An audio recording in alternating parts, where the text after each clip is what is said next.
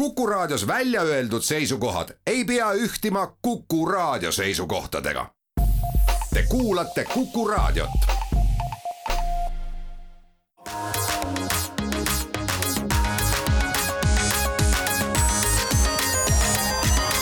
digitund. digitunnile ja digimaailmale annab hoogu Telia ja särtsu Alexela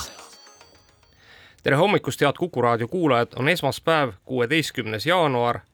ja Digitund alustab. stuudios on Mait Tafenau, Indrek Vaheoja ja Andrus Raudsalu. Ja nii nagu ikka, teeme kõigepealt ülevaate möödunud nädala uudistest tehnoloogiamaailmas. Ja saate teises pooles liitub meiega Alan Vaht Alexelast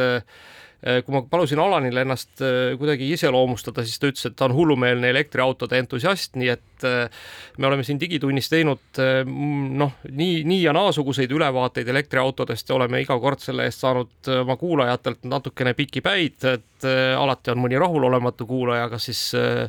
elektriautode või muude autode valdkonnast, et nüüd me tõime siis, toome teie, teieni saatesse tõelise spetsialisti ja, ja räägime kõik need elektriautode asjad lahti aga äh, alustame siis uudistest, et äh, ja traditsiooniliselt räägime mõned turvauudised, et möödunud nädalal oli päris äh, huvitav uudis Ühendkuningriikidest, nimelt siis Vene taustaga häkkerid siis sellisest lunaraha seltskonnast nagu Lockbit siis äh, võtsid maha Inglise postiteenistuse ehk siis äh, Royal Mail, mis tõsi küll, äh, täna on juba erafirma, ei ole päris riiklik firma. Äh, oli äh, oma saadetiste saatmisel välismaale ikkagi täiesti hädas, nii et äh, krüpteeriti ära siis nende serverid ja, ja noh, ütleme, et see on ilmselt üks viimase aja selliseid suuremaid nagu ründeid, noh, ütleme mingisuguse sellise avaliku teenuse vastu aga mitte ründed ei ole ainult alati need põhjused, miks midagi nagu pahasti läheb, et Ameerikas juhtus olukord, kus äh, tekkis äh, siis äh, ütleme siis Lennuameti kriitilistest süsteemidest tekkis tõrge ja, ja põhimõtteliselt ma saan aru, kogu siis lennuliiklus jah, USA-s pandi tõepoolest möödunud kolmapäeva hommikul siis üheksakümneks minutiks kõik lennukid seisma, põhimõtteliselt ükski lennuk õhku ei tõusnud. nii et kokku see puudutas siis umbes kümmet tuhandet lendu ja, ja noh, ütleme, et eh, hetkel küll kõik eh, siis eh, allikad väidavad sellele, et mingisuguse, mingisuguste häkkerite tegevusega tegu ei olnud, et, et siis põhimõtteliselt ütles üles arvutisüsteem, mis annab pilootidele siis lennuvälja infot, noh, ütleme selles mõttes, et mis siis maandumisrajad on vabad ja, ja, ja kuhu siis peaks ja, ja, ja, ja võiks maanduda, nii et nii et noh, selliseid asju juhtub jah, et no, alati ei pea häkkerid olema, eks no, ole. vot mine tea, eks. aga ega me ei tea ju ka, eks ju. ega sa ka ei tea, et mm, -hmm. et seal mhm. võib olla, võib olla taga ka häkkereid. no põhiline on võib-olla märgata siin ka seda, et vaadake, selles valdkonnas nagu tegutsedes tehakse asju niimoodi, et mitte lihtsalt, et noh, võib-olla enam-vähem töötavad, need asjad peavad töötama. ja seal ei ole nii, et oh, et vaatame, et las nad, las ta töötab, et äkki need lennukid ikkagi saavad õhku tõustud ja maandutud, et noh, sellist riski ju ei võeta. no just, no põhimõtteliselt ühesõnaga see tähendab seda, et kui ma täna nagu, ma ei tea, lasen telefoni mingi rakenduse välja, noh, te kõik teate CarPlay, noh muidu väga enamasti on okei okay,, aga nendel pooltel kordadel, kus on hullult vaja teha, et millal ma nüüd pööran, kohustus mhm. veis, ta crash ib, eks ju. et noh, sellist asja tegelikult sinna produktsiooni ei lasta, sest ta peab kõrg-, kõrg, kõrgendatud käideldavus olema oluliselt nagu teisel tasemel. Ja ka seal süsteemides vaadake, noh, see on meeletult investeering, ka seal juhtub, et noh, kõigil juhtub, kuigi ütleme jah, see, see on see koht, kus me päriselt ei tahaks, et juhtub ja loodame, et niisuguseid asju tegelikult noh, ikka me nagu tulevikus rohkem nägema ei hakka, et pigem ikkagi veel paremini lähevad asjad ja kuulge, aga, aga räägime oma teisest lemmikteemast, mis on, mulle tundub, et viimasel ajal tehisintellekt, et tehisintellekti... see on selle aasta meie põhiteema.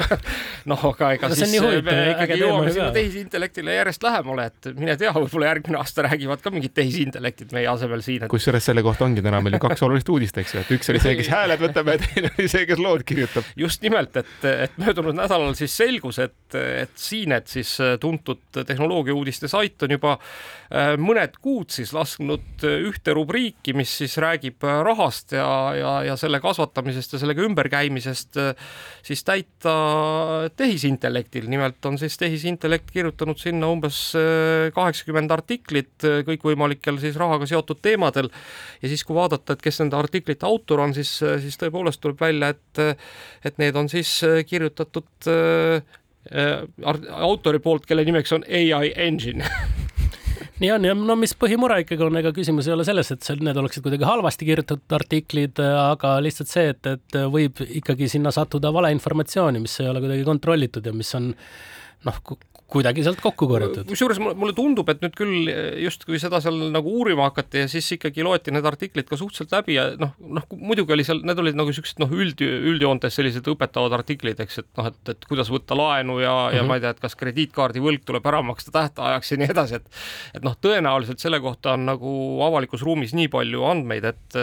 et noh, tehisintellekt on suutnud ennast selles osas päris targaks õpetada. nojah, et ta et... otsest nagu valet sulle ei aja, aga, aga hakkab ikkagi tekkima küsimus, et noh, et kas näiteks seesama seesama, et kas krediitkaardi võlg korraga ära maksta, et kas sealt eh, on võimalik kuidagi mõjutada, et eh, noh, et tuleks õige artikkel, eks ole, et näiteks, et pangad saaksid paremini. ma siiski kahtlustan nii palju, et isegi kui see masin kirjutas selle artikli puhtalt, me tegelikult ei tea, kas keegi luges selle läbi, noh, tõenäoliselt pidi lugema, masin ikkagi ise tõenäoliselt avaldamisõigust ei ole omanud, eks ju. ja teine pool on teiselt poolt vastas ka see, et, et ei tea, mitut artiklit nad genereerisid ja mitme seast nad valisid, et selle me avaldame, et noh, mingisugune reha seal vist ikkagi no, väidetavalt on inimene ikkagi kontrollinud üle ja, ja üle lugenud need asjad, aga ega jah, aga, aga... see ei tähenda ka jälle mitte midagi, see ülelugemine võib käia teinekord niimoodi diagonaalis, ah minu arust on okei okay,. üldine pilt oli hea, aga mida paremini seda ütleb, mugavamaks läheb. muuseas, muuseas, siis äh, sealsamas äh, tuli ka välja see, et, et kui siis asja uuriti, et, et Associated Press, eks, on juba äh, siis alates kahe tuhande viieteistkümnendast aastast näiteks äh, kasutanud ai-d siis äh, nende igasuguste firmade kvartalitulemuste kasutamise, äh, kajastamisel, nii et noh, see on ka lihtne, eks sa võtad üle Exceli tabeli ette, on ju,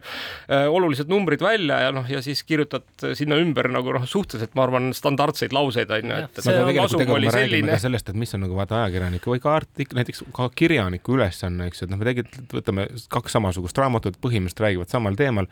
erinevus on selles, kes kuidas ilmestab seda nagu situatsiooni, eks ju, noh, milliste sõnadega, millise osavusega sa paned selle pildi nagu kuulaja või lugeja jaoks kokku, eks ju, et see teeb sellest asjast asja. ja vot see on see, kus ai suudab jällegi oma nagu mingisuguse rakursi tekitada, mida sina võib-olla ei suuda või vastupidi, eks ju no jaa, aga nüüd äh, jõuame siis ka selle meie asendamiseni äh, järgmisel aastal, et äh, et Microsoft siis tuli välja sellise lahendusega, mille nimi on Valli ehk noh, kui te teate, et siis Talli on see, kes joonistab pilte, siis Valli on see, kes siis teeb häält. Ehk sisuliselt see Microsofti lahendus äh, suudab siis praktiliselt simuleerida, noh, mitte ilmselt väga noh, mitte super täpselt, eks, et kui seda hakata nüüd kuidagi analüüsima, siis ilmselt saab aru, aga aga üsna täpselt umbes kolmeminutilise äh, salvestuse, vabandust, kolme jah, vabandust, kolmesekundilise just nimelt ja see on nagu ikkagi super lühike aeg, eks kolmesekundilise salvestuse põhjal äh, simuleerida ükskõik kelle häält ja mitte ainult tema häält, vaid ka seda keskkonda, kus ta on, et noh, kui ma näiteks peaks tegema, ma ei tea, telefonikõne, siis ta suudab teha niisuguse telefonikõne kompresseeritud hääle, noh, ma ei tea, et kui ma teen selle kõne laulupeolt ja seal taga on paneks mingisugused äh, koorid, ühendkoorid, eks, et siis ta ilmselt suudab ka neid kuidagi simuleerida või noh, vähemalt mingisugust sellist äh, tausta sinna tekitada, nii et. või kui oled eestlaslikult äh, nagu kergelt külmetanud aasta läbi, et siis sellise kinnise nina ja, ja selle kõik ta suudab teha. see on see koht, kus vaata tavaliselt jällegi niisugused asjad ju olid ju olemas, eks ju, ja tavaliselt oli vaja meeletu kogus seda annoteeritud heli, mille pealt siis masin õppis aga see, et ta tõesti võtab kolmesekundilise audio hääl ja õpib selle pealt sinu tämbrid ja kõik juba enam-vähem ära niimoodi, et sa kuulad, no ma mingit demoklippe kuulasin, see on ikkagi amazing. ma kuulasin ka ja no kohe otsisin, et noh, et kus kohas need vead nüüd on, et kus kohas ta ei kõla sarnaselt. ta kõlas isegi paremini kui originaal. jah, täpselt niimoodi, et, et varsti tõepoolest hakkame siin võib-olla tööta jääma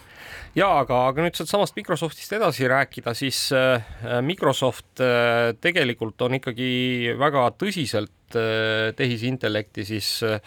oma toodetesse kaasamas ja, ja muuseas plaanib ta ka investeerida sellel aastal umbes kümme miljardit dollarit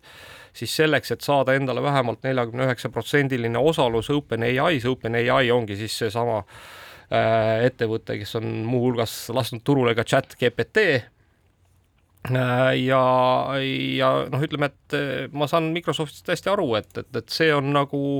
kindlasti tulevik ja, ja oluline noh, nii-öelda lisa kõikide nende toodete juures ja muuseas juba täna on nad teada andnud, et nad on selgelt katsetamas siis GPT-ga, mitte siis chat GPT-ga, aga GPT-ga, mis on siis see nii-öelda noh, põhiline siis teksti tehisintellekti mudel selleks, et siis Microsofti Wordi ja ka teistesse Microsofti Office'i toodetesse tuua äh, noh, nii-öelda see, kus siis on autocomplete ehk siis noh, automaatne siis lausete lõpetamine või sõnade lõpetamine, eks. ta hakkab automaatselt su ennast töid lõpetama. nojah, et, et võib-olla, võib-olla esialgu on see see, et, et ta ütleb sulle ette järgmised sõnad või lause lõpu, aga ühel hetkel ütleb juba paragrahvi siis ütleb nagu lehekülje ja ja või on, kui on sul juba selline harjumus, et näiteks esmaspäeviti tööle ei jõua, siis ta juba saadab selle meili ise ära, et, et olen täna natukene haige ja, ja tööle tulla ei saa, sellise. no iga kord natukene muudab sõnastust ja nii see läheb ja aga, aga, aga muuseas ega ka seesama OpenAI otsib võimalusi, et, et kuidas siis äh, sellesama kurikuulsa chat GPT-ga, eks, millest me oleme siin palju rääkinud, raha teenida, et et et, et nad on siis välja laskmas chat-GPT professional versiooni. see professional versioon küll kahjuks ei erine chat-GPT-st mitte selle poolest, et ta annab nagu õigemaid vastuseid. või parema, kirjutab parema sõnastusega, eks või, või, või vaid, vaid seal on lihtsalt esialgu lihtsalt see, et, et on võimalik siis seda chat-GPT-d rohkem kasutada Äh, ja, ja saada siis sealt serverist nagu nii-öelda siis eelisaega, aga, aga mulle eriti meeldis siis see, äh, see nende teade, et, et, et kuidas siis sellest teada anti. Ja siis äh, pressist on läbi jooksnud niimoodi, et, et Discordi serveris andis OpenAI inimesindaja teada, et aga seal vist öeldi ka niimoodi, et kui palju te oleksite nõus nagu noh, maksma selleks, et et seda teenust mitte kaotada või kuidagi mingi selline ümbernurga küsimus oli ka, et ei olnud otse, et kuulge, kuutasu nii palju või nii palju, eks, vaid ikkagi siukse ja, ja eks nad, ümber nurga, nad, nad, ega nad praegu lihtsalt uurivad oma võimalusi, et mm -hmm. ma mhm. arvan, et, et nad ei ole veel valmis ja, ja ma arvan, et viimane tehisintellekti uudis, mis, mis noh, läheb sinna valdkonda, kuhu kõik need tehisintellekti kaamerad meie nutitelefonides, mis on nagu natuke ikkagi hirmuäratav, on see, et siis Nvidia äh, toob siis turule niisuguse toote nimega Nvidia Eye Contact, et noh, te kõik olete olnud ilmselt sellisel Zoomi koosolekul, kus äh, teie koosolekupartneril on noh, arvuti on kuskil veidras igas kohas ja siis ta vaatab noh, kas kuhugi üles nurka või, või põrnitseb enda ette või midagi, siis talle tundub, et kas ta ikkagi on, kas ta on teie peale pahane või, või, või on kuskil äraolev. et noh, tegelikult on ju see probleem selles, et see kaamera on lihtsalt vale koha peal ja, ja nüüd siis äh, Nvidia on teinud siis sellise lahenduse, mis keerab teie silmad õigeks, kui te seal koosolekul kogu aeg on ikkagi silmad õiges kohas, et hoolimata oleks sellest, ikkagi, oleks ikkagi silmside ja minu arust on see nagu eriti veider, et kujutate siis ette, et see on nagu kaks inimest, kes nagu vahivad kuhugi nagu noh, toa ülesse nurka, mis on siis nagu tehisintellekti poolt kokku lükatud ja justkui vaatavad üksteisele otsa, et noh, ma ei tea. seal võiks selline äh, mode olla ka, et, et ei pilguta silmi kordagi, terve koosolek vaatab sinu peale, nii nagu Andrus Ansip omal ajal, eks ju. just. aga lähme siitkohalt nüüd reklaamipausile ja oleme juba hetke pärast tagasi.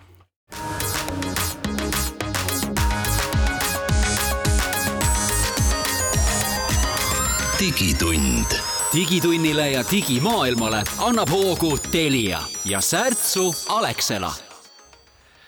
digitund jätkab siit äh, digimaailma telgitaguste paljastamist. stuudios on Mait Tafenau, Indrek Vaheoja ja Andrus Raudsalu. ja räägime nüüd äh, uudistest, äh, mis puudutavad ma, ma arvan, et enamusi meist, kuna kõik me oleme mingil moel ikkagi Microsofti kasutajad ja Microsoft eh, siis on nüüd toomas turule oma kolm, Microsoft kolm kuus viiest ehk siis tema Office'i tarkvarast siis uue eh, basic versiooni, mis on siis baas. no ütleme kõige lihtsama versiooni, mis on mõeldud kodukasutajale, eks ju, kodukasutajale kättesaadava raha eest. et noh, täna on ju see, et me oleme väga paljud inimesed hakanud kasutama Google Drive'i, eks ju, mis on nagu tasuta justkui, saad seal väga palju asju ära teha ja, ja isiklikku Gmaili omada ja kui sa tahad ettevõttele, siis on see muidugi hoopis palju kallim ja nii palju kallim, et tavainimene endale koju seda teenust naljalt ikkagi ei osta. no ei taha ju maksta raha sellise asja eest. no ei taha, tundub kuidagi nagu eluks vajalik asi küll, aga teisest küljest nagu ma olen nõus maksma kõige muu eest, kinopiletite ja kõigi asjade eest, aga, aga vaata emailide eest ma ei tahaks maksta mm. -hmm aga Microsoft on teinud vähemalt siis niisuguse Ameerika turule kahedollarise paketi, eks ju, annab selle eest sada gigabaiti pilveruumi ja selle eest saad ligipääsu endale lisaks ka veebi Office'ile ehk siis kus on need Word, Excel ja kõik muu, mida sa ei pea arvutisse paigaldama. ei, kas, ma ei ole kindel, et on, sa veebi Office'ile oli, oli, oli, ma kontrollisin järgi. ma, sest mina lugesin sealt välja, et sa saad ligi vaid Outlookile. ei, seal oli olemas ka, et sa okay. saad ikkagi veebi Office'i ja kui sa tahad ikkagi arvutisse paigaldada, on teine asi. aga kui sa tahad juriidilisele kehale seda Microsofti toodet, toodet paketis, sa pead ostma ikkagi kallimat tier'it mm -hmm. ja seal oli see veebi office, ma ei mäleta nüüd enam peast, aga vist viie euro tuuris on no, praegu see. ilmselt, ilmselt see on noh, kuigi ta nüüd Ameerika turul lansseeriti, siis äh, Microsofti praktika on küll see, et see suhteliselt kiiresti ikkagi levib nagu kõigile turgudele, nii et varsti võib siis seda meelgi oodata, kusjuures ma siinkohal ikkagi tahan, mind ikka paneb hämmastama see, et et kinopileti eest oled sa, Mait, nõus maksma, aga emaili eest ei ole, et mitu korda sa kuus kinopiletit kasutad no ikka kasutan. aga mitu korda no, sa kuus emaili kasutad? no võib-olla natuke rohkem, võib-olla natuke rohkem, aga üks kinopilet on nagu kallim iseenesest, et. sa tead, tegelikult võiks omavahel kokku leppida, ega see email on ikka üsna nõme suhtlusviis, et me tegelikult suhtleme enamasti hoopis chat ides ja Microsoft Teamski on selles mõttes täna tasuta tootena ja seal me suhtleme ju väga palju nagu ja micro, igasugustes muudes Messengeri platvormides me suhtleme palju rohkem. email on muutunud järjest rohkem minu jaoks siukseks nagu formaalseks, et kui ma tahan Indrekule öelda, vaat nüüd on siin see nagu otsus, mis me tegime või protokoll või, või, või mingi asi, vaat siis ma saadan sulle meili peale, aga igal muul juhul ma räägin chat'is. ei, siis sa mulle helistad, ütled, kuule, loe nüüd meili, ma saatsin sulle meili, eks ole, ja siis ma loen. üle helistan igal juhul kuulge, aga, aga Microsoftist veel uudiseid, et, et teatavasti siis Apple'i kasutajatel, kes ei kasu-, kes kasutavad Apple'i telefoni, aga kes ei kasuta Apple'i arvuteid, on olnud ikkagi ajalooliselt iga õudne piin selle telefoni ja siis Windowsi omavaheline seostamine, et Windowsil on olemas küll iTunes Windowsi jaoks, aga noh, see ei ole olnud nagu kõige mugavam ega, ega, ega nutikam ega mõistlikum tarkvara. Ja nüüd siis äh, väidetavalt kohe-kohe on ilmumas äh, Windowsi platvormile, Windows üheteistkümnele siis äh, Apple TV ja Apple Music ja, ja, ja ilmselt tuleb seal veel mingisugune ka äh, Apple'i nii-öelda abitarkvara, igatahes see seni nii-öelda kasutuses olnud iTunes siis muutub äh,, läheb ajaloo prügikasti, et ta ei ole olnud väga mugav. selle asja nimi on Intel Unison Jun,. ei, ei, ei, see nüüd sa, Mati, need on kaks täiesti erinevat asja muuseas, siin on, see on, see on, see on päris huvitav, et et, et nüüd üks asi on see, et Microsoft ikkagi noh, nii-öelda Apple toob Microsofti platvormile oma tooted eraldi programmidena, aga nüüd teine on see, et tõepoolest, et, et kui sa tahad nagu siis ühendada oma Apple'i telefoni, iPhone'i, Windowsi arvutiga, siis Intel on siis töötanud välja tõepoolest sellise tarkvara, mille nimi on Intel Unison, mis võimaldab siis noh, ütleme sellist seost nagu Apple'i telefoni ja Apple'i arvuti vahel on kogu aeg olemas olnud, et sa saad arvutist vaadata ka SMS-e, eks näed sisse tulevaid kõnesid ja nii edasi just see asi, mida sa teisel nool silmas pead, on tegelikult kaks erinevat asja tõesti. on Apple TV ja Apple Music, mis tulevad Windowsi platvormile, aga see on oluline, need ei ole kuidagi seotud su telefoniga. Need on mõeldud selle ei, no need on iTunesi, eks no,. sa saad nagu Apple'i tasulisi, ütleme siis pehmeldades nagu Netflix tuleks Windowsile kättesaadaval, et väga segadust tekitav on see Apple TV, eks ju, sest me arvame, et see on see seade, mida ma ostan teleri külge, mis on ka Apple mis TV, aga teine asi on Apple TV teenus, mis on nagu põhimõtteliselt Apple'i Netflix ja Apple Music. aga see, millest sa alguses rääkisid, et telefonide asi tuleb, see on tegelikult õige, tuleb Intel Unison, aga sellega on mingi paar kitsendust ka, mille mõte muidugi on selles, et ma ühendan telefoni arvutiga ja selle asemel telefonis ma pean sulle sõnumeid toksima, eks ju, noh, teate, vahel ei ole tüütu, pean sul, saan oma arvutist seda mugavalt teha, kui tuleb telefoni kõnema, klapid on ühendatud arvutiga, saan läbi arvuti hoopis seda vastata. aga seal on mõned kitsendused sul peab olema nüüd kõige uuem Inteli protsessor, mis toetab üldse niisugust linki, sest see ei ole päris Microsofti enda asi, vaid see on ka Inteli siis viis olla nagu mõjur, et nad üritavad saada nagu siis konkurentsieelist AMD ees, pakkudes sulle mingeid lisateenused, lisaväärtused ja nad on siis saatnud, saanud niisuguse lahendusega valmis mis siis ühildub iPhone'iga samamoodi, nagu iPhone ühildub Apple'i enda arvutiga, et saad samamoodi sõnumeid saata ja kõnedele vastata ja nii edasi, kuigi minu arust riistvaral ei ole sellega otseselt ausalt mingit pistmist, kuigi siiski on, eks ju, ta peab olema sul arvuti lähedal, toetama neid wifi direktühendusi ja Bluetoothi moodsamaid versioone ja kõike muud, et oleks ikkagi võimalikult sünkroonis. Kuule, kui sa juba sellise sõna nagu Intel suhu võtsid, siis äh, jätkame, jätkame siit selle Inteliga veel natuke, et et mulle tundub, et äh, protsessoriturul on toimunud üks oluline muudatus, et, et kui nüüd päris pikka aega äh, noh, protsessoriturul enam keegi mingisuguseid gigahertse ei lugenud et noh, me mäletame neid aegu, kus äh, iga aasta tuli välja uus protsessor, oli jälle umbes kakskümmend protsenti kiirem just nimelt nendes hertsides on ju eelmisest protsessorist ja siis kõik äh, pidid siis kindlasti rõõmsalt jooksma poodi seda uut protsessorit endale soetama. Äh, siis noh, mingil hetkel juhtus see, et protsessorisse hakkas tulema siis paralleelseid tuumasid ja noh, lõppkokkuvõttes ei suutnud enam keegi kokku lugeda, et kui palju neid tuumasid seal siis täpselt on äh, ja mida need tuumad täpselt teevad ja kui kiired nad on, et ehk need hertsid siis kaotasid nagu mingil määral nagu sellise valuuta väärtuse turul, aga nüüd on siis, äh, tundub, et need hakkavad tagasi jõudma, sellepärast et vist on, vist on jõudnud see hetk siis kätte, kus sellesse noh, pinna ruumala ühikusse enam neid tuumasid nagu väga palju juurde panna ei saa, et et, et ei ole võimalik teha nagu ma ei tea, saja viiekümne tuumaga või, või, või viiesaja tuumaga protsessorit, et, et et nüüd on äh, siis äh, läinud lugu jälle gigahertside peale. Mulle tundub, et seal on kaks olulist asja, mida kuskil keegi väga ilusti nagu kokku võttis, et esiteks äh, seoses AMD tugeva konkurentsiga on, tundub, et Intel lihtsalt jalad kõhu alt välja võetud ja hakanud jälle pingutama, et neil muidu ei olnud motivatsiooni nagu anda sulle väga palju paremaid ja tõesti, kui te vaatate tagasi, siis päris hulk generatsioon protsessorit põhimõtteliselt võiks öelda, et midagi olulist tegelikult ma, ei ma arvan, jah, mina viimased, viimased kolm aastat olid ikkagi Inteli protsessorid olid nagu järgijooksjad ja suhteliselt igavad, et AMD oli see, kes tegi ilma. just, ja nüüd täna nagu nad siis üritatakse nagu igal võimalusel, esiteks on muidugi nagu see ongi see väiksemate kiipide tegemine, ehk siis mahutada samale ruumale rohkem kõike, aga teine probleem, mis sellega juhtub, on see jahutusprobleem ja kõik muu see juurde kuuluv ja nüüd tänu sellele võib-olla oli siis see probleem, et ei saanud justkui nagu hertse kõrgeks ajada, sest see kõik ju tekitab suuremat äh, soojuskadu ja kõike muud, aga, aga tegelikult sellele on leitud nagu lahendusi ja, ja tõesti on juhtunud olukord nüüd lõpuks, mida kõik on oodanud, ehk siis on palju tuumasid ja on ka suured võimsused. muidu pidid siis... alati valiku tegema, kas sul on, kumba sul vaja on. kui sa tead, kasutasid rakendusi, kes ei osanud tuumasid kasutada, siis sa pidid kasutama protsessorit, kus oli vähe tuumasid, aga võimsad hertsid või siis vastupidi, tahtsid palju tuumasid, aga siis sa pidid loobuma kõrgetest hertsidest. ja, jah, aga nüüd siis on toonud tõesti Intel turule protsessori nimega Core i9 kolmteist tuhat üheksasada KS ma ei tea, kes neid nimesid neil välja mõtleb seal, aga okei okay.. Äh, mis on siis esimene protsessor, äh, noh, vähemalt tavakasutuses, mis on siis ületanud äh, nii-öelda ilma kuidagi üle võimendamata kuue gigahertsi piiri no vot nii, aga kahjuks ta noh, nii sa Mait ütlesid, et, et tänapäeval ikkagi voolutarve läheb alla, vaatamata nagu võimsusele, siis, siis seal siiski voolutarve alla ei ole läinud ja võimsus on hoopis tõusnud. Aga seal on muidugi järgmine küsimus ka, et ega täna arvestades kõik me kolime järjest rohkem mobiilsesse maailma, see on ikkagi mingisugune mitte laptopi mõeldud protsessor ja nii edasi, et no, selles mõttes. selge see jah, et, et. et küsimus, et kellele neid veel tegelikult vaja on, et noh, serveritesse selgelt, aga, aga, aga noh, mis viisil ja kuidas see nagu meieni jõuab jällegi nende pilveteenuste kaudu, eks ju, et noh, see on see oluline aspekt, et varem sa tahtsid nendele koju siukest protsessorit saada. noh, on inimesi, kes tahavad siiani, aga neid inimesi, kes seda koju tahavad, on järjest vähem. räägime siia veel ka Tiktokist natukene ja Tiktok on nüüd teada andnud seda, et ta äh, annab või noh, avalikustab sellise teenuse nagu Talent Manager portaal, kus siis saavad erinevate no Tiktoki super superstaaride mänedžerid siis otse asju ajada eh, siis eh, noh, erinevate brändidega ja, ja vaadata siis eh, otse siis ka igasugust statistikat, teha hinnapakkumisi, koostöid ja kõike sellist, et, et noh, see ei käi enam siis nüüd niisama mingite sõnumite kaudu, vaid nüüd on täiesti selline tööriist olemas. kas sul on Tiktoki mänedžer? Ja mul veel ei ole Tiktoki mänedžeri oh., aga, aga ega asjad sinnamaale liiguvad, sest et kui on nagu töövahend on olemas, et miks mitte siis seda kasutama hakata. mul on, mul on, mul on ausalt öeldes natuke juba track lost selles mõttes, et, et, et kuidas siis, mis see selle Tiktoki hetkeolukord on, et minu arust Ameerikas järjest, järjest järjest keelatakse ära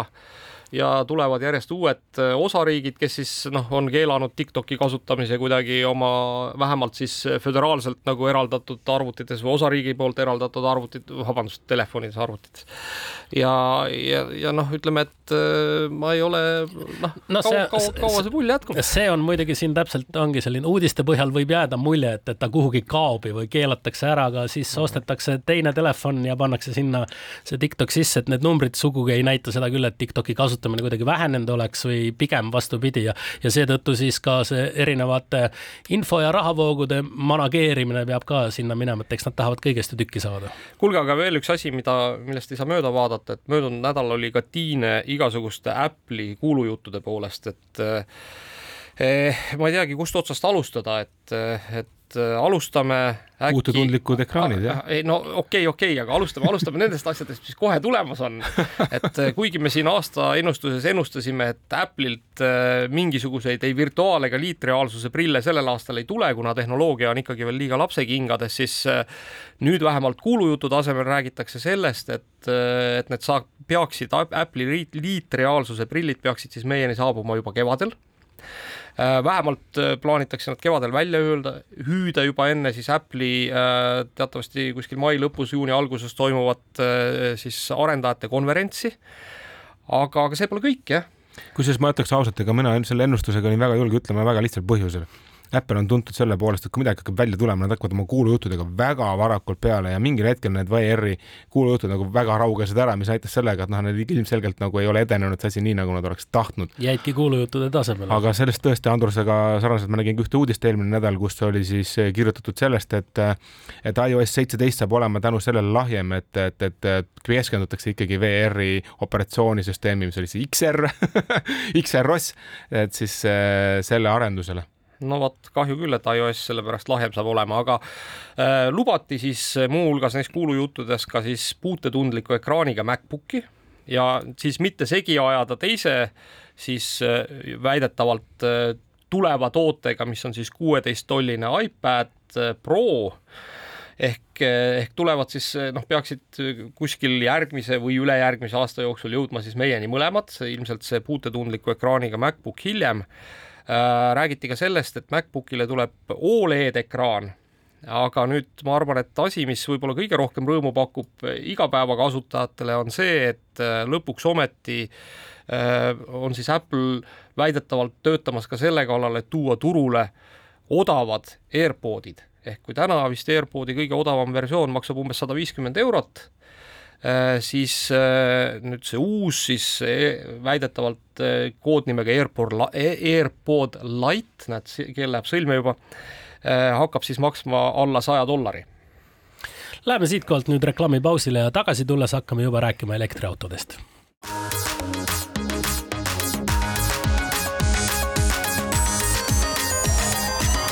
digitund digitunnile ja digimaailmale annab hoogu Telia ja särtsu Alexela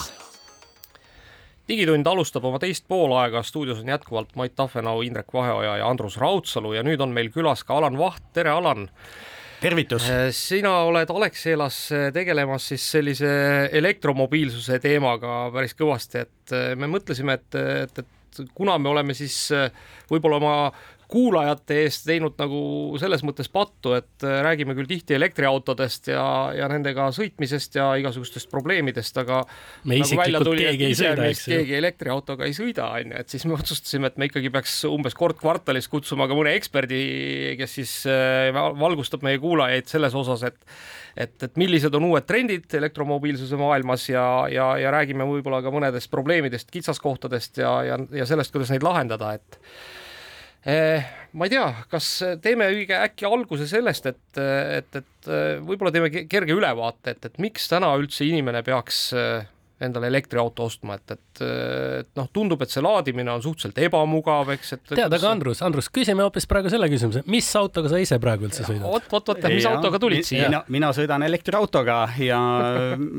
mark, millega mina sõidan, on äh, eelmine siis või ütleme hetkel äh, aasta autoks valitud äh, Hyundai Ioniq viis aga kas see on, kas see on see auto, mida sa, kui sa ta piisavalt suure akupakina, akupakiga võtad, saad ka kodumajapidamise nii-öelda kuidas ma ütlen, upsi, upsina ja, ja, ja päikese, päikesepargi salvestus, salvestusseadmena kasutada. see, see vast ongi see kõige suurem väärtus, räägitakse ju sellest, et eh, kuidas me peame, peame siin valmistuma selleks, et meil oleks varugeneraatorid, eks ole, et läks ju hull generaatorite ostu eh, laine ju siin lahti. et kui sul on elektriauto, mis annab sulle särtsu välja, muide eelmise aasta jaanuaris meil majapidamisel või kogu külal läks elekter ära, mida mina tegin ja see oli, no ütleme, kuskil kakskümmend tundi oli elekter ära, kunagi pole olnud. Aastast kaks tuhat üheksa, kui ma selle koha peal olen, olen elanud, pole elekter ära käinud, noh, kuna maaliinid ja kusagil eemal midagi juhtus, mis ma tegin, eh, panin sellele autole adapteri eh, külge, et, et ta veel ei ole. Kahjuks seda võimekust, et sa võtad otse laadija kaudu endal majapidamise elektri auto akust, aga ta on samm edasi, sa saad panna talle spetsiaalse adapteri sinnasamma laadimise porti autosse ja ta tekitab kakssada kakskümmend otsa. Kerisin siis trumli pealt pikendusjuhtme maha, sain valguse tuppa, mitte küll maja üldelektrisüsteemi, aga pikendusjuhtme taha, panin teleka, sain kohvi teha, valgus oli, et kõik võimalused, see on väga väärtuslik vaat siin, siin ilmselt äh, siis Elektrilevi peaks võib-olla mõtlema selle peale, et, et äkki tasuks inimestel nagu kuidagi äh, siis toetada seda elektriautode soetamist, et võib-olla siis maapiirkondades nagu Hiiumaal ja Saaremaal siis tagavara nagu neid oleks pahu, olemas. pahuraid kliente vähem, et, et, et kui neil on raktastel. ja kuskil kolm ööpäeva, ütleme, oleneb, mis on maja tarbimine, minul on selline viiskümmend viis kilovatt-tundi ööpäevas keskmine, noh, talvel rohkem, suvel vähem, et ma võiksin suvel hakkama saada, ma arvan, mingisugune kaks ööpäeva, kolm ööpäeva, talvel poolteist ööpäeva. täisvõimsusel, eks aga samas lepime kokku, et kui on kriis, siis sa tegelikult ju optimeerid ka veel, nii et tegelikult ma ei tea, utreerin natuke, aga nädal. noh, jah, kui sa veel tarbimise maha võtad, et Just. Siis sa saad jah, venitada see on kauem ikkagi kriis, eks ju, lepime kokku, enam ei keeda vett, enam Jah. ei noh, teed ikka ainult seda, mida hädavajalik on, eks. no me saime teada, et sa sõidad äh, Hyundai Ioniq viiega, aga on äh, Eestis saadaolevad elektriautod sul kõik läbi proovitud ka, oled sa nende kõigiga sõitnud või on veel mingid, mida ei ole proovinud? praktiliselt kõik on läbi sõidetud, nüüd on tulnud äh, mõned siin turule juurde, näiteks tuli alles hiljuti, mis ta nüüd on, see Solterra äh, Subaru äh, on nüüd ka elektrilisena olemas. Citroen C4-ga ei ole sõitnud kõige popim, mis praegu kõige uuem on, mille noh, kui vaadata ka elektriautode müüginumbreid, et noh, nii kui uus auto tuleb müüki, siis inimesed juba ootavad ja, ja siis selle auto müüginumbrid hüppavad ülesse. et nüüd ju värskem, mis turul on, on Nissan Ariya, mille vastu inimesed tunnevad huvi. olen sellega sõitnud tund aega ainult, et tahaks natukene pikemalt, aga, aga põhimõtteliselt jah, enamus autosid, mis turul on, on läbi sõidetud ja, ja soovitan mitte ainult tund aega võtta autot proovimiseks, vaid tegelikult õige pildi annab, kui sa ikkagi saad sellega sõita terve nädalavahetuse. Kuule, kas ma küsingi väga konkreetselt ära, et millist elektriautot sa soovitad, on budget perekonnale ja miks? Ja millist elektriautot soovitad sellele inimesele, kellel ei ole budget'i piirangut ja miks? Elektriautosid on täna turul, ütleme nii, et väga raske on leida automüüjad, kellel ei oleks valikus elektriautot. tõsi. seega täna noh, mõned üksikud küll on, aga kui sa ja, ja need hinnavahemikud on niimoodi, et sa võid saada endale elektriauto, mis maksab ka alla kahekümne tuhande euro. Kõige soodsamad siin, mis turul on, näiteks Dacia Spring, mis on küll väga väikese mootoriga, aga põhimõtteliselt ajab asja ära ja saadki alla kahekümne tuhande. mõistlikumad sellised, millel juba distantsi on rohkem ja jõudu on rohkem, kolmkümmend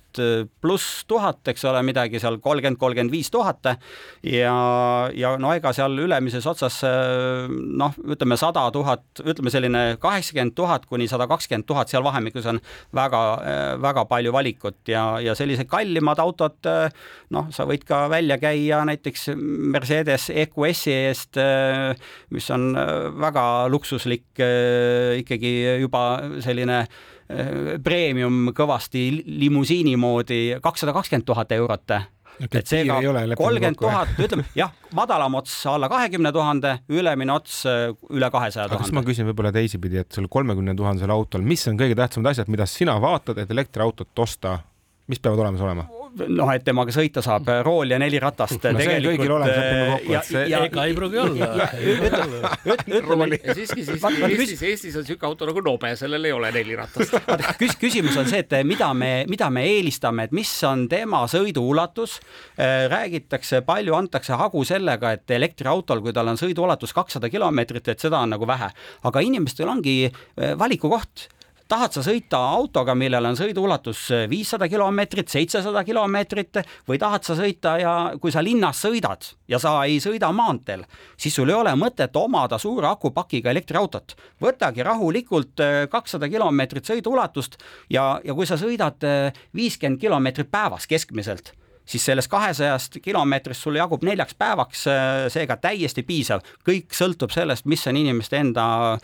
vajadused. kui sul on, on siis, ma ei tea, korra kvartalis vaja see kakssada kilomeetrit teha, no siis sa võtadki selle aja täpselt, natuke nendele, eks ju. ma võtsin pulli pärast ette sellise portaali nagu Auto24 ja vaatasin, palju seal on alla kahekümne tuhande meil elektriautosid saada, no viisteist tükki on, aga peab tunnistama, et ei kutsunud ükski nagu ostma, koledad on ikkagi need vanad elektriautod. Ja esimesed elektriautod millegipärast taheti kuidagi futuristlikud teha, et ütlen ausalt, ega mulle ka nad väga ei sümpatiseerinud, isegi kui riik andis, mis tal oli, kaks tuhat kaksteist, kolmteist, kui oli see kaheksateist tuhat eurot oli riigi toetus elektriautole, noh mind väga ei kutsunud äh, see esimene Nissan Leaf, äh, aga teine generatsioon Nissan Leaf on juba väga kena aga siiski ma küsin nüüd järgmise asja, et minu arust prioriteedid, minu arvates elektriauto puhul peaks olema ikkagi see kiirlaadimistugi, eks eriti kui sa ostad selle kahesajase distantsiga auto, nüüd tahad käia ära kuskil Võrumaal, ei tahaks vahepeal kaks tundi tee peal laadida, tahaks kiiresti laadida. kas siukses kohas on mingeid võimalusi või arenguid? absoluutselt saaksin... ja kusjuures äh, aeg ongi see, mis, äh, mis on raha, eks ole, mille mm -hmm. eest sa oled nõus maksma, et kui on kiirlaadimine, hea näide, ma tulin Lõuna-Eestist, äh, sõitsin Äh, Tallinnasse ja, ja kui sul on, jääb natukene särtsu puudu, sul on vaja, et sa mõtledki, teed viis minutit kuskil pausi mm. -hmm. noh, me näeme Paia ristis, meil on äh, Tikupoisis on seal kokku saab laadida kiirelt kuus elektriautot korraga kiirelt ja üks nendest on siis selline, mis võimaldab ülikiirelt laadida nii kaheksasaja voldiseid autosid kui ka neljasaja voldiseid autosid, et me sellest peame eraldi rääkima, mis need voldid seal on. sisuliselt sa saad auto aku täis kümnelt protsendilt kaheksakümnele protsendile kaheksateist minutiga. ja, ja, ja tihti mõeldakse, et aga et, et elektriauto laadimine võtab palju aega, et, et, et ma ostan elektriauto endale alles siis, kui seda laadida saab ka sama kiirelt kui bensiinidiislit tankides. tegelikult on see jumala vale mõtlemine, sest eh, me oleme näinud, inimesed laevad kiirlaadijatesse sellist sada kilomeetrit sõiduulatust. Eh, ja kui sul on kiirelt laadiv auto, ja korralik kiirlaadija ja sa päriselt saadki viie minutiga sada kilomeetrit sõiduulatust mm, -hmm. siis sa võidki öelda, tegelikult sul ju elektriauto laebki sama kiirelt kui bensudiisliauto. bensiinidiislit sul endal kodus ei ole, sul ei ole omaenda tanklat kodus, välja arvatud, kui sul on kanister kodus, et tangid kanistrist, aga elektriautot kiirlaadijas maantee peal laetaksegi viis minutit, kümme minutit ja sips kiirelt edasi. Ja põhiline paak pannakse ikka särtsu täis kodus aga kas kulge, on mõni kulge, auto, millel oot, oot, oot, Mait, stopp, stopp, stopp, ma siin laeks kiiresti meile mõned reklaamid vahele ja siis lähme edasi järgmiste küsimustega.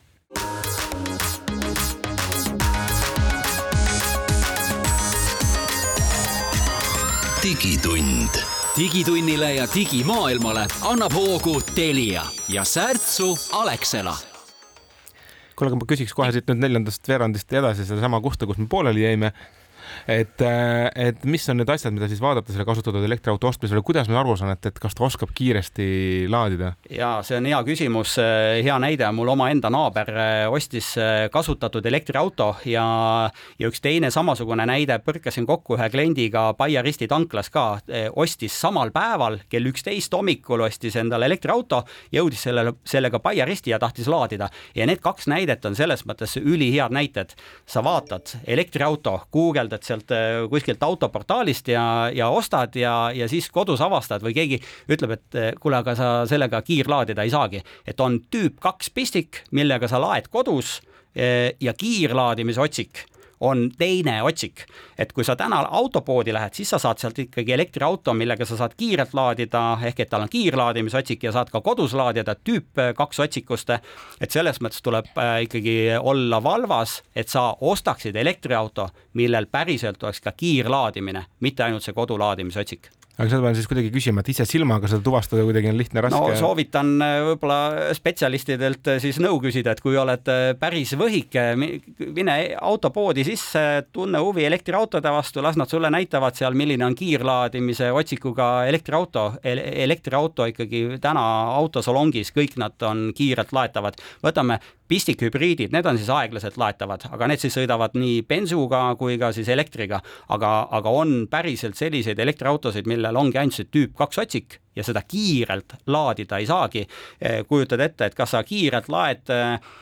tanklas tõesti kümne minutiga või poole tunniga, sõltub auto enda laadimise võimsusest, aga tüüp kaks pistikust sa saad üksteist kilovatti ja, ja see laeb, et saada nelikümmend neli kilovatt-tundi elektrit, mis on jämedalt kakssada kilomeetrit sõiduulatust, seda sa laed neli tundi mm. -hmm. seega pead ikka varuma aega sellisel juhul. mõttekoht, et pead olema hoolas, et nende pistikutega ongi tüüp kaks pistik, see on siis pistikhübriidid ja need elektriautod, mida kiirelt laadida ei saa. ja siis on Euroopa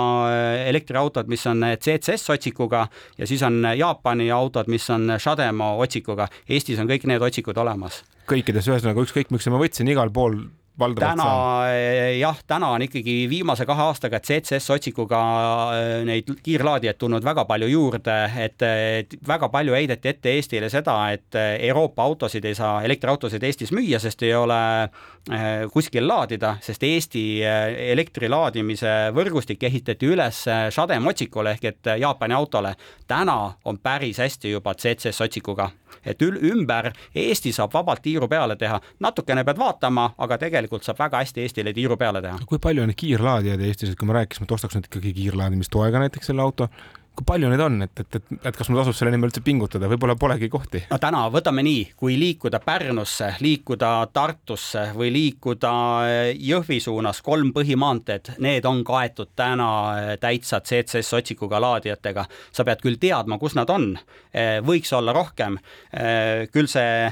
ka järgi areneb, et noh, me peame nagu mõistlikus tempos liikuma, sest kiirlaadija maksab väga palju raha. et ei ole mõtet, et sa paned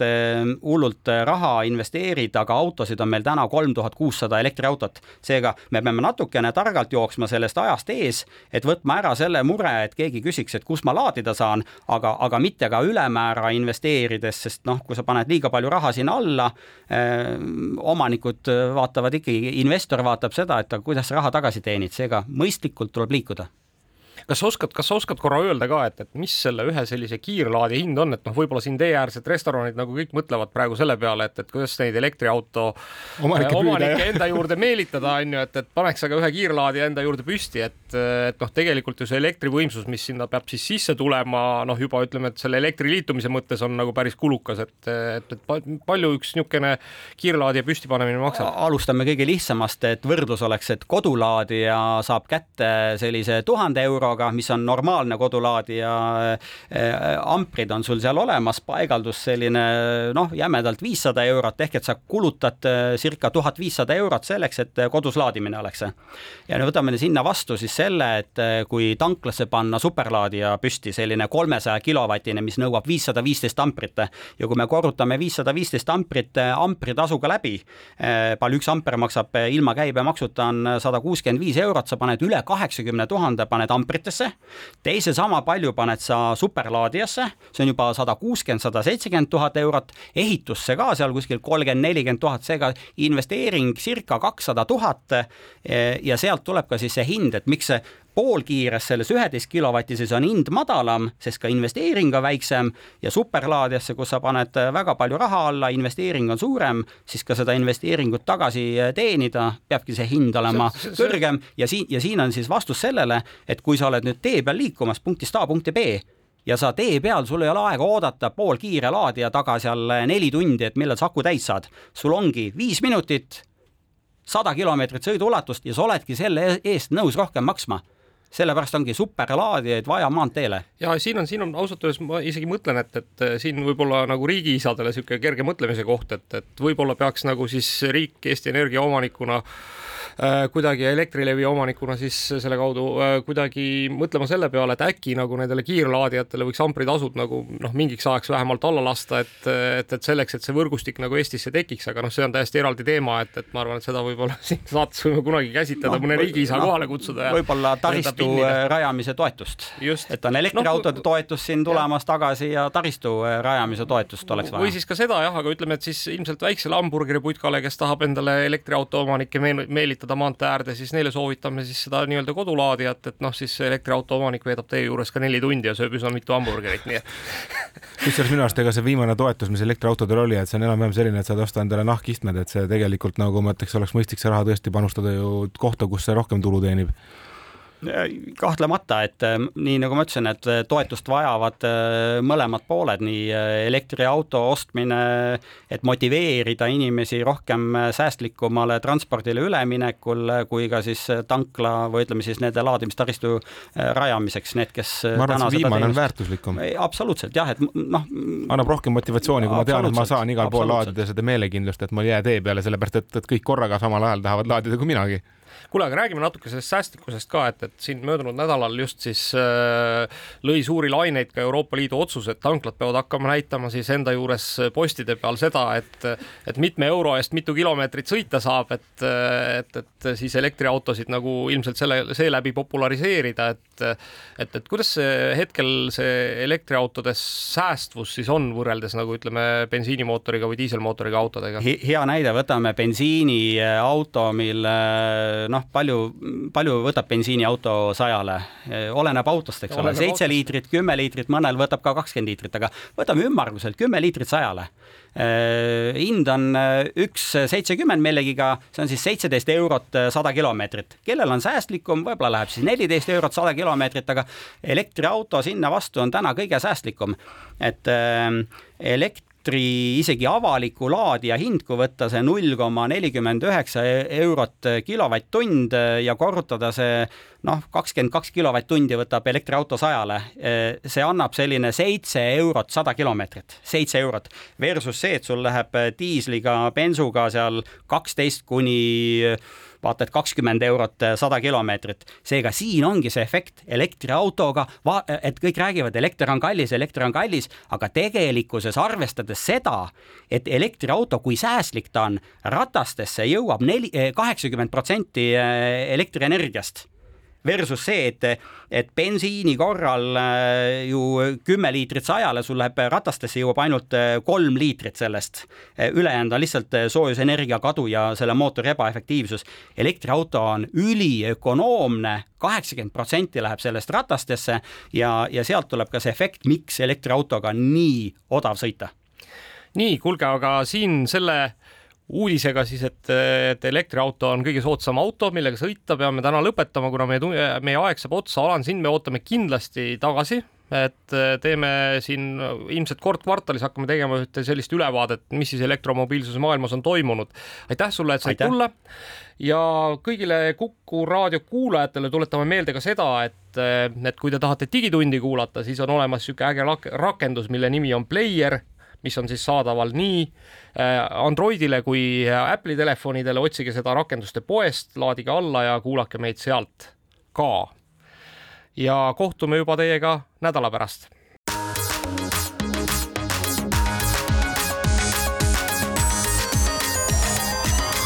digitund. digitunnile ja digimaailmale annab hoogu Telia ja särtsu Alexela